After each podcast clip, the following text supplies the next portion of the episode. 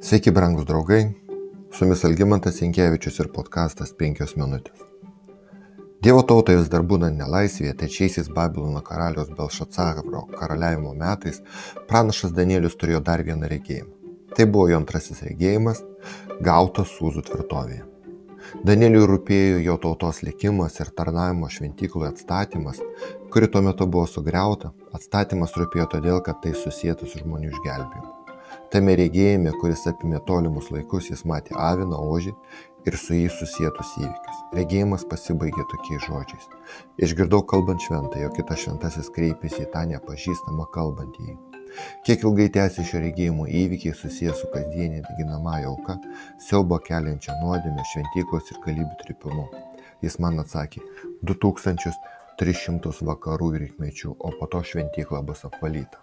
Danieliaus 8 skyrius. Pranašo Danielio žodžiai 2300 vakarų ir rytmečių, o po to šventykla bus apvalyta, XIX amžiaus pradžioje tapo dar vieno dvasinio prabudimo krikščionybėje pagrindu. Laikydami 70 savaičių pranašystę kaip pirmąją pranašystės dalį iš 2300 2000, atsiprašau, 300 vakarų ir dienų pranašystės, daugelis krikščionių pamokslininkų padarė išvadą, kad 1844 metais į žemę turi ateiti Jėzus Kristus. Iki XIX amžiaus krikščionybėje nebuvo gilios diskusijos, gilaus tyrinėjimo susijęto su šventyklos apvalymu, tarnavimu joje ir teismu, teismu vykstančių dangiškoje šventykloje. O kaip atsitiko, kad 2300 vakarų ir dienų virto metais. Paminėsiu tik vieną iš priežasčių - tai, kad Biblijos skaičių knygoje 14 skyriuje ir Ezekėlių knygos 4 skyriuje siūlo skaičiuoti metus už pranašišką dieną. Kai būsi baigęs gultis antrą kartą, bet ant dešinio šono ir kesk bausmę už judo namus, skiriu tau 40 dienų po vieną dieną už kiekvienus metus. Tai sako tekstas. Bet kada prasideda šio pranašiško periodo skaičiavimas? Kur galima rasti užuominą ar tiesiog nurodymą šio klausimu? Šios ilgos 2300 metų pranašystės skaičiavimo laikas prasideda 457 metais prieš mūsų erą, kada Persijos karalius paskelbė įsaką apie Izraelio tautos sugražinimą į Kanano žemę ir šventyklos atstatymą. Apie tai kalba Danieliaus knygos 9 skyrius. Todėl žinok ir suprask, nuo to laiko, kai paskelbtas žodis atnaujinti ir statyti Jeruzalę, iki pateptojo vado bus 7 septynetai, 60 septynetai. Ji bus atstatyta su aikštėmis ir apsauginiu grioviu ir tai įvyks priespaudos metais. Ir 2300 metų periodas baigėsi būtent 1844 metais. XIX amžiaus tikintieji laikydami, kad posakis šventyklos apvalymas yra tapatus žodžiams žemės apvalymas, laikėsi ne žemėje, nebėra šventyklos ir jie tikėjosi, kad Kristaus pasirodymo tikinčiųjų paėmimas įvyks būtent tuo metu pas save. Bet kaip žinome, tuo metu nieko panašaus neįvyko. Iš tiesų XIX amžiaus viduryje žemėje, Jeruzalėje, Palestinoje, Europoje, kur nors kitoje pasaulio vietoje šventyklos nebuvo, ji buvo sugriauta. Bet ji visada buvo danguje. Biblija mums daug kartų liudija, kad žemiškoji šventykla buvo dangiškosios šventyklos atvaizdas. Dovydas sako, viešpatė šventumo būstas, jo šventykla, viešpatė sostas stovi danguje. Jonas apriškimo knygoje mato šventyklą ir liudijimo padangtę danguje. Paskui aš įgyjau, atsidarė liudijimo padangtė šventykla danguje.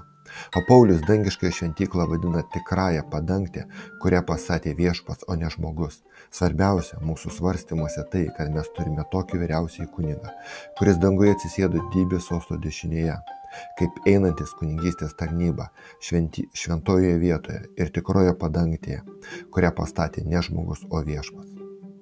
Taigi tekstas pabrėžia, kad dangiškoje šventykloje buvo įvykdytas amžinas atpirkimas.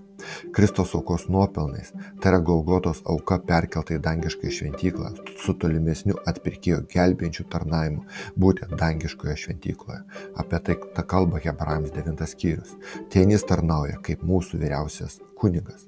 Deja, tiesa apie dangišką šventyklą ir tiesa apie ištarimą Jėzaus Kristos kaip vyriausių kunigo tarnavimą buvo, ilgą laiką buvo pamiršta arba, kaip prašoma pranašos Danieliaus, buvo nudrepta žemė.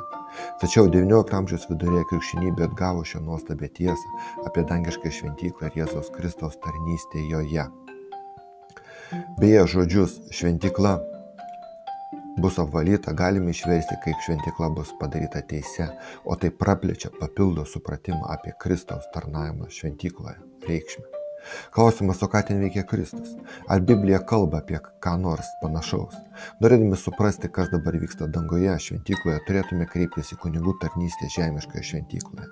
Pažiūrėti, kaip tai vyko žemiškoje šventykloje, kuri buvo pastatyta žmonių rankomis Dievo nurodymu. Daugelis krikščionių šiandieną apriboja Kristaus tarnystę tik jo mirtimi ir prisikelimu ant kryžiaus. Tada įmant tarnavimą žemiškoje šventykloje kaip vaizdinį. Šiuo atveju kunigų veikla apsiribotų tiek, tie, tik ties variniu aukuru, tada ir pačią šventyklą būtų galima sumažinti iki šio aukuro, nes toliau kaip kad veikla šventykloje nebereikalinga. Bet kunigai kasdien neždavo į šventyklą auką už nuodėmę, smilkydavo smilkalus, prižiūrėjo žvakidę ir valgė padėtinę duoną. O permaldavimo dieną vyriausias kunigas įžengtų, žengdavo į švenčiausių švenčiausiąją, kad užtartų žmonės apvalytų Šventyklą nuo išpažintų žmonių nuodėmė ir uždėtų tas nuodėmės ant atpirkimo ožio galvos. Visą tai rodo Jėzaus Kristos tarnystė, kurią sudaro ne tik nusidėlio atpirkimas, bet ir atgailaujančio nusidėlio išteisinimas ir visų nuodėmių kaltininko šetono pasmerkimas. Pasmerkimas ir tų, kurie atsisakė Dievo atmesdami raginimą atgailauti. Pasmerkimas tik šetonui, bet ne tik jam, o ir tiems, kurie atmes Dievo kvietimą. Paprasčiau tariant, tai yra Dievo teismas, kuris prasidėjo 1844 metais. Ir tas teismas baigsis po dviejų vienas po kito einančių įvykių - antrojo Kristos ateimo, tūkstantmečio ir kai po jo į žemę bus nuleista dangiškoji Jeruzalė. Ir tada įvyks šetonų ir nusidėjėlių, kurie atmetė išgelbėjimą, išnykimas ugnies ežere. Kaip matome, tai ilgas Dievo teismo procesas, tai ne efekto pagrindu padaryti sprendimai, Ir teismas, teismo procesas apima ne tik tyrimą, pasmerkimą, bet ir pateisinimą. Ir svarbiausia žinia šio laikiniam pasaulyje yra trijų angelų žinia, kuri prasideda žodžiais - bijokite Dievo ir atiduokite jam pagarbą. Nes atėjo jo teismo valanda, nuolankiai pašlovinkite dangaus ir žemės, jūros ir vandens šaltinių sutvėrėję. Ši žinia mums visiems kelbė, kad teismas jau vykdomas, Jėzus Kristus stovi priešais da, priešais, atsiprašau, Dievo sostą dangiškoje šventykloje, švenčiausioje vietoje, užtardamas kiekvieną nusidėjėlį, kuris priėmė jį kaip savo gelbėtoją. Ši Kristaus tarnystė tęsis tol, kol jis paliks dangišką šventyklą, kad atme, asmeniškai ateitų į mūsų žemę dėl išgelbėtųjų. Brangus draugai, yra tik dvi mūsų dalyvavimo šiame teisme galimybės arba be Kristus būti pasmerktų, arba su Kristu būti išgelbėtų. Ir džiugi naujiena yra tame, kad visa, visgi pasirinkimas lieka mums. Ir šiandien vis dar galime, yra galimybė padaryti vienintelį teisingą pasirinkimą - įsileisti Jėzų Kristų į savo gyvenimą, priimant jį kaip savo asmeninį gelbėtoją. Su jumis buvo penkios minutės ir Algymantas Jinkevičius.